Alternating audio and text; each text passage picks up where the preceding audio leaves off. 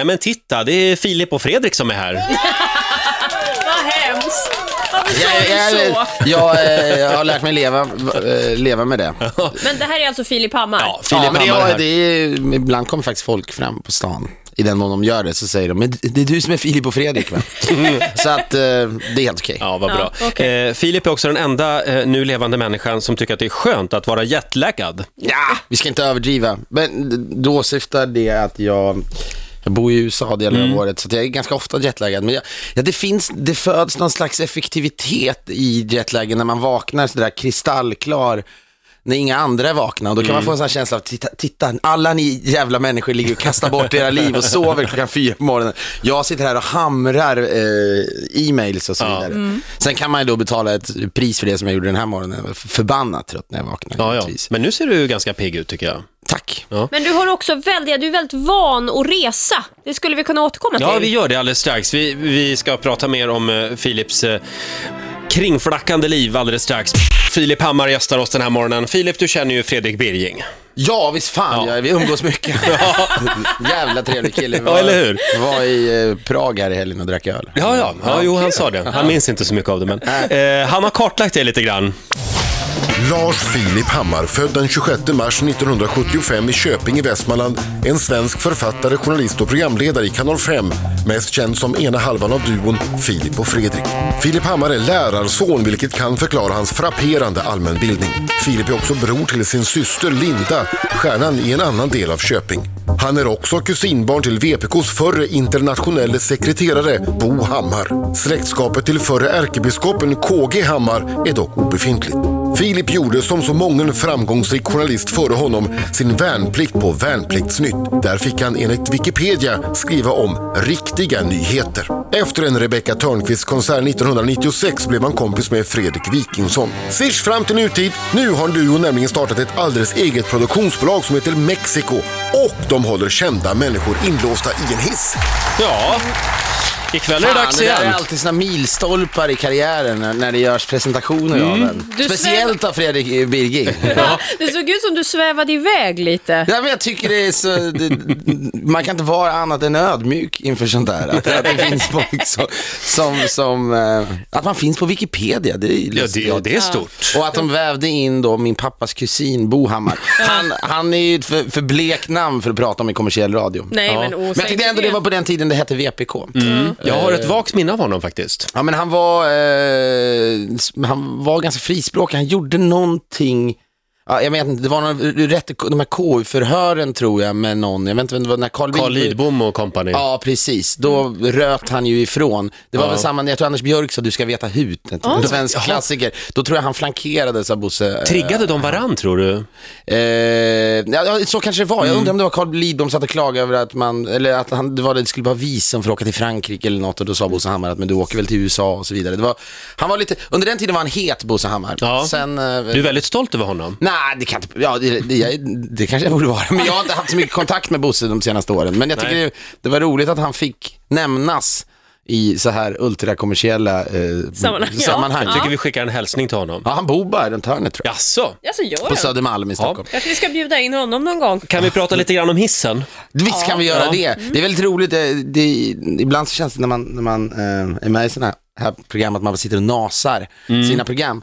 Eh, och det gör jag väl visst. Men, men ikväll så har vi Christer Sandelin och Tom Ekman som gäst. Och jag måste säga att jag är, eh, jag är väldigt stolt över det programmet. På, på riktigt. Och jag tycker att det blir väldigt, väldigt bra. För Christer Sandelin, Tommy är ju så att säga the straight guy, Ja. vil- vilket ofta behövs i, i, i duos. Eh, någon som kanske stagar upp allting. I fallet mig och Fredrik vet jag inte vem det är, men det, Fredrik är nog mi, lite mer den som stagar upp mig. Eh, men, men här är det ännu tydligare och Christer bjuder på en show ikväll som jag tycker man sällan har sett i, i Sverige. En Eh, eh, och det, är inte, det är inte det att han springer runt och liksom slår kullerbyttor, men man får en inblick in, i en, in, i en människa vars hjärna är helt unik. Han kändes ju Eh, lite svajig ett tag. Hur mår han nu? Ja, men han, jag tror han mår mycket bättre nu, men han är nog en människa som, som har toppar, och dalar tror jag, och, och, men det pratar han också om. Ja. Men det gör, jag och Fredrik sa igår när vi snackade om att han är den enda svenska kändisen som skulle platsa i David Lettermans soffa. Som faktiskt skulle kunna gå in i David Lettermans show och göra ett avtryck för att han är så pass speciell. Och Ja. han, han, idag pratar, han pratar bland annat om hur han, han har vä- väldiga komplex för sin näsa, nu ska han plastikoperera den. Oj. med- Jaha. han, eh, han pratar om, om, om, om missbruk och hur han liksom var helt under den här Så mycket bättre-perioden när han liksom fick sin renässans. Eh, hur dåligt han faktiskt mådde då, lå- låg i en skilsmässa och, och var väldigt, väldigt illa däran. Samtidigt så pratar han om, är han bara helt galen. Han pratar om hur mycket han älskar att duscha och, Ja. och så vidare. Så här. Det är Länge. Bara, ja. 40 minuter i duschen. Ja, men det är, och det är massa detaljer i det där. Men ibland så kan man, jag tror det är som, då, när, jag någonstans ska summera min karriär, men någon gång ska göra det, och, och de ögonblick som har varit roliga, som man är liksom lyckligast, det är när jag liksom kan vinkla upp mot Fredrik, och, och han ler och jag ler, och man ser att vi ser samma sak i den här människan. Den här, Ja. Den här hudlösa människan som ger allt. Och det, de, de ögonblicken hade vi ofta när vi reste runt och gjorde hundra höjder och träffade karaktärer och så här. Och det är lite samma sak med Christer, vi sitter bara och garvar. Vi satt fan under sex timmar i inspelningen och bara log. Och, Men och, ta- och alltid- tack, tack för att han finns. Men det är sätt. ju alltid kul att ha en gäst som berättar lite grann om sig själv. Ja, och det är ju ofta ett problem sig. i Sverige, liksom, att man, folk håller igen på något, på något märkligt sätt, vilket Mm. är dumt, för det är ju oftast vägen, tror jag, till, till folks hjärtan. Ska vara väldigt glada att inte alla är som Erik Sade. Nej, precis. Eh, och jag visste inte hur tillknäppt han var, men det är möjligt att han är. Väldigt tillknäppt. Men, men jag, jag, jag, jag tycker liksom vägen till folks hjärta är oftast att man, man öppnar upp och, och, och visar också att man är som, liksom, titta de här problemen har jag, det är ju tvärtom någon som kan identifiera sig med det. Samtidigt är ju Christer så pass unik så det är inte så många som känner, jag är precis som honom. Nej, nej, så nej. är det inte. Men han, nej, jag måste verkligen säga det, jag, det är ikväll klockan 21 då, jag är fan, jag älskar det där programmet och jag älskar Christer Sandelin. Vi, Vad fint! Men du, är det vi sex, kommer att kolla. sex timmar in där hissen? Alltså man måste ju Ja, behöva gick, med, kissa med, med. Kri- med Christer gick det så. Ja. men vi, ja, om folk blir kissnödiga så har vi tagit liksom en fem minuters break så går man och kissa. Det, det var, har vi varit tvungna att göra. Och så behövde ju Anna Anka kräkas. Precis, och ja, så just vidare. det. Precis. Men, men, just, men, men med Christer gick det då bara, tiden bara försvann. Han hatar klockor också som låter, som han berättar väldigt mycket om. Han har Aha. slagit sönder mycket klockor genom åren. På Ah. Scandic Hotel och sådär. Han har bara, liksom, Du, du har varit i Aspen och åkt skidor. ja, visst har jag varit det. Jag var där för, eh, vad blir det? Tio dagar sedan kanske. Ja, hur var det? Ja, det är härligt. Mm. Jag hade nog, hade, om man bor i Sverige så tror jag kanske inte man åker dit, för det finns det väldigt mycket härliga ställen Mm. runt omkring här och säkert i, andra ställen i Europa. Men när man bor i LA så är det bara en timmes flyg. Är det bara en timme? Ja. Ah. Eller en och tio eller vad det är. Så det, och det är ju en plats som är väldigt eh, speciell på något Mm. sätt. Den är, det är fantastisk skidåkning, men sen är det också hela liksom, idén om Aspen är roligt. Är mycket, mycket, gam, mycket gamla, rika människor, så det är, det är en freakshow att titta, sitta och titta på folk där också. Men hur mycket skidor åker du egentligen? Ja, men jag försöker väl åka kanske två veckor per år eller något sånt där, Ja. i, i bästa fall. Jag, jag åkte inte under många år, men men sen började jag åka i, i, igen för några år sedan och lockade med min fru i allt det här. Och det har, det har både det har på något sätt eh, fått oss närmare varandra men också väldigt långt ifrån varandra ibland. För vi, hon har tagit ut skilsmässa med mig flera gånger i backen så storgråtit. Ja, det, är, det är inget farligt och sen står vi Det kan i mitten så. Mm. av backen. Ja, det är otroligt som hon fräser åt mig då och säger Ja. att det här, det här kommer du få betala för. Men det är kul. Men, men du och din fru, ni bor alltså där då och, och sen eh, åkte ni på skidsemester. Ja. Och sen åker ni hem till Sverige. Vilket härligt liv det där låter som. Ja, ja. Det är Eller tur att ni inte ja, har barn. Ja, vadå, du tror att det, det går inte att göra med barn eller? Nej men alltså barnet måste ju gå i skolan. Alltså, jag och- tänkte, ja men det är ju sant, men det är ju många år framåt Ja, i ja. Då är jag Ja. svingammal. Det är det. Jag kommer ju ha rullator när mina barn Funderar ni på barn förresten? Ja men det, det tycker jag verkligen vore jättetrevligt. Och när jag var i Aspen och såg små barn åka skidor, det var det gulligaste jag sett när de Ja. ser ut så helt påklädda med massa, massa bylsiga kläder och en hjälm. Och det är sådana grejer som kan tror jag, trigga saker i mig, för ibland är det, det har nog varit jag oftast som har känt att fan kan vi inte vänta lite grann och så vidare. Ja. eh, men, men när man ser något så här barn susa ner i backen så tänkte jag, jag vill också vara den där farsan som åker in Försöker hinna efter. För de är ju snabba, så två åk så känner de på det och sen har de det. Så de är väldigt låg fallhöjd så de behöver ju inte vara rädda Ja, men det var roligt, jag var, jag gick, jag försökte överträffa mig själv och gick längs upp någon sån här eh, bergskam med skidorna på ryggen för att sen Oj. åka lite så här djupsnö. Nu låter det som att jag är en väldigt bra skidåkare. Ja. Det är jag inte, men jag utmanar mig själv lite grann. Jag är ga- ganska dålig. Men då gick jag där upp och det var så jävla jobbigt, tog en halvtimme, hög, hög höjd som fan. Och då, eh, när, jag, när jag går så plötsligt bara bli- blir jag omsprungen av några killar som tror jag är sju, åtta år, Mm. som går där med sin farsa. Och sen kommer jag gående igen, då har de tagit något litet break. Då tittar de bara på mig, så ser de hur plågad jag är. Så säger de så här, you can do it, you can do it sir. och då kände, då kände jag att jag börjar bli gammal. Så att, uh, ja, men livet är härligt, det är det absolut. Livet det, är härligt, Men, det, men vi- man väl, väljer sitt egna liv också. Ja. Det är inte alla som skulle tycka det var så kul att hålla på och resa så här mycket. Men vi ska prata om dina härdsmältor också. Vi kan väl göra det.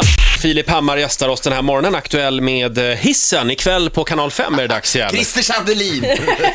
Underbart. le, leende. Har ni haft honom här någon gång? Eller? Jajamän, ja, det har i vi. samband med Så mycket bättre. Det var ett väldigt spännande möte. Ja, men då var han Mm. nog inte i, i, i... För om ni tittar ikväll så berättar han just om hur han mådde då. Ja. Det, är, det är ju nattsvart, verkligen. Ska vi ge Eh, honom en chans till tycker du? Jag tycker att ni tittar på ikväll och så känner ni, nu, nu ska han börja göra glasskulpturer och sånt Mm. Oj. där. Så, ja. Får jag fråga, har du sett någonting på svensk TV? Har, har du följt På spåret? Du, Sjukt nog att när jag inte kunde sova i natt så tittade jag på finalen i På spåret. Ja. Eh, det är ju roligt, men jag tycker att de har... Jag kände det pust för att jag inte var med den här säsongen, för vi har ju varit med två gånger. Ja. Och då har jag ändå tyckt... Ni var ju väldigt bra. Ja, men vi har kommit undan med, med, med någon slags värdighet i alla Mm. fall. Men det är väldigt svårt den här Ja. säsongen, Mm. eh, Väldigt k- svårt. kände jag.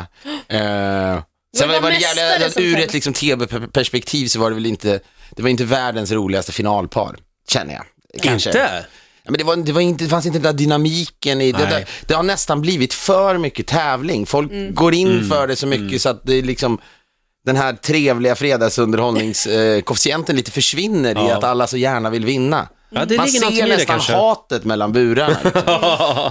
Men du, eh, Melodifestivalen då? Det har jag Eh, När in- ska ni leda den? Nej, jag vet inte. Nästa det, år? Nej, det vet jag inte heller, men vi, det, det, har, det har vi väl eh, pratat, det har väl hänt att vi har Fått approcherats, som de säger. Ja. Jag säger. Man ska inte aldrig säga aldrig, men jag tror att ska man göra något sånt där, det, det vi sysslar med i tv handlar ju ofta om att vi mm, har något slags personligt avtryck på produkten. Och jag inser ju problemet med att göra en melodifestival som man sätter för hård prägel på. Eller jag tror framför allt inte att Edvard av Silén och de andra genierna som jobbar med det, för det tycker jag verkligen. De, alltså, det- man kan inte säga något annat än att det är liksom ett, ett, ett, ett bra gjort program. Men jag tror inte att de är beredda att säga så här, ah, men okej, vi ger Filip och Fredrik fria händer. Jag vet att någon gång när vi hade en diskussion om det där, då sa Fredrik, ja, jag vill att den ska, Melodifestivalen ska vara i Otterbäcken där jag kommer ifrån i en lada. kan vi köra det därifrån? Och det tror jag att svenskarna går med på. Så att när svenskarna känner sig lite så här mätta på det nuvarande upplägget, då står vi där redo och, och transformerar den till Men det gör vi annat. aldrig. Vi, vi Gud, tröttnar ju oss. aldrig känns det som, på det här upplägget. Men alltså känns det inte som att vi börjar känna Men att det är långt? känns som att det har man sagt i sju, åtta år nu. Ja, ja, okej. Eh, Ja, men det- det kan vi bara prata lite grann om det här med dina härdsmältor, eh, som alltså kan vara i timmar. Du bara bryter som om det ihop. låter, om så här, som kan vara i timmar. Det finns ju folk som har härdsmältor i hela sitt liv känns det som. Eh, men eh, det roligt, för jag, jag pratade i den här podcasten vi har om då när jag, ja, jag hade tappat bort, vi skulle ut och turnera så tappade jag bort min, jag hade någon sån här Omnicord som är en slags syntvariant från 80-talet som jag glömde på flyget och så Ja, när jag inser att den är borttappad så får jag sån ångest och bannar mig själv och så lägger jag mig på golvet och börjar grina och min, min fru säger nu får du ge dig. Och så, hon hotell. så ligger jag där och så det känns det som hela världen rasar ihop. Det är en ganska obehaglig eh, känsla För att du givetvis. tappade bort ett instrument. Ja, jag vet. Om du vet, så kände jag att jag hade lånat den av någon kille i USA som ännu inte vet om att den är borttappad. Jag bara, jag bara undvikit honom hela tiden. Den kostar typ, den kostar typ tusen spänn, så det, inte, det, det går ju att, lösa. Men, eh, men så pratar jag om det här och det är, det är vad det är, även om det säkert inte är hälsosamt. Men vissa saker eh, lär man ju sig leva med bara på något sätt. Då kan jag tänka, ah, men okej, jag bryter ihop någon gång per månad sen. Men det, det är roligt när man pratar om sånt här och nu gör jag det igen. Ja. så, eh, så är det så lätt att man blir någon ansiktet utåt för, för psykisk ohälsa. Eh, Fredrik är väldigt road av det här. Hur jag- hur jag- Han till och med presenterade mig när vi gjorde den här showen och sa, mannen som har blivit ansiktet utåt för psykisk ohälsa. Vet, jag har fått propåer nu om att skriva böcker om det här och, Ah. och de vill att jag ska uttala mig i alla möjliga eh, Men du känner sammanhang. inte att det är på den nivån? Nu sitter, nu sitter jag och skrattar bort det här, för det är klart när, jag väl, när, när det väl sker, då är det ingen rolig. Men jag tror egentligen inte att det är mitt stora problem. Jag tror snarare är någon, någon slags eh, konstant oro över saker och ting. Eh, Det kan ju inte vara försörjning i alla fall.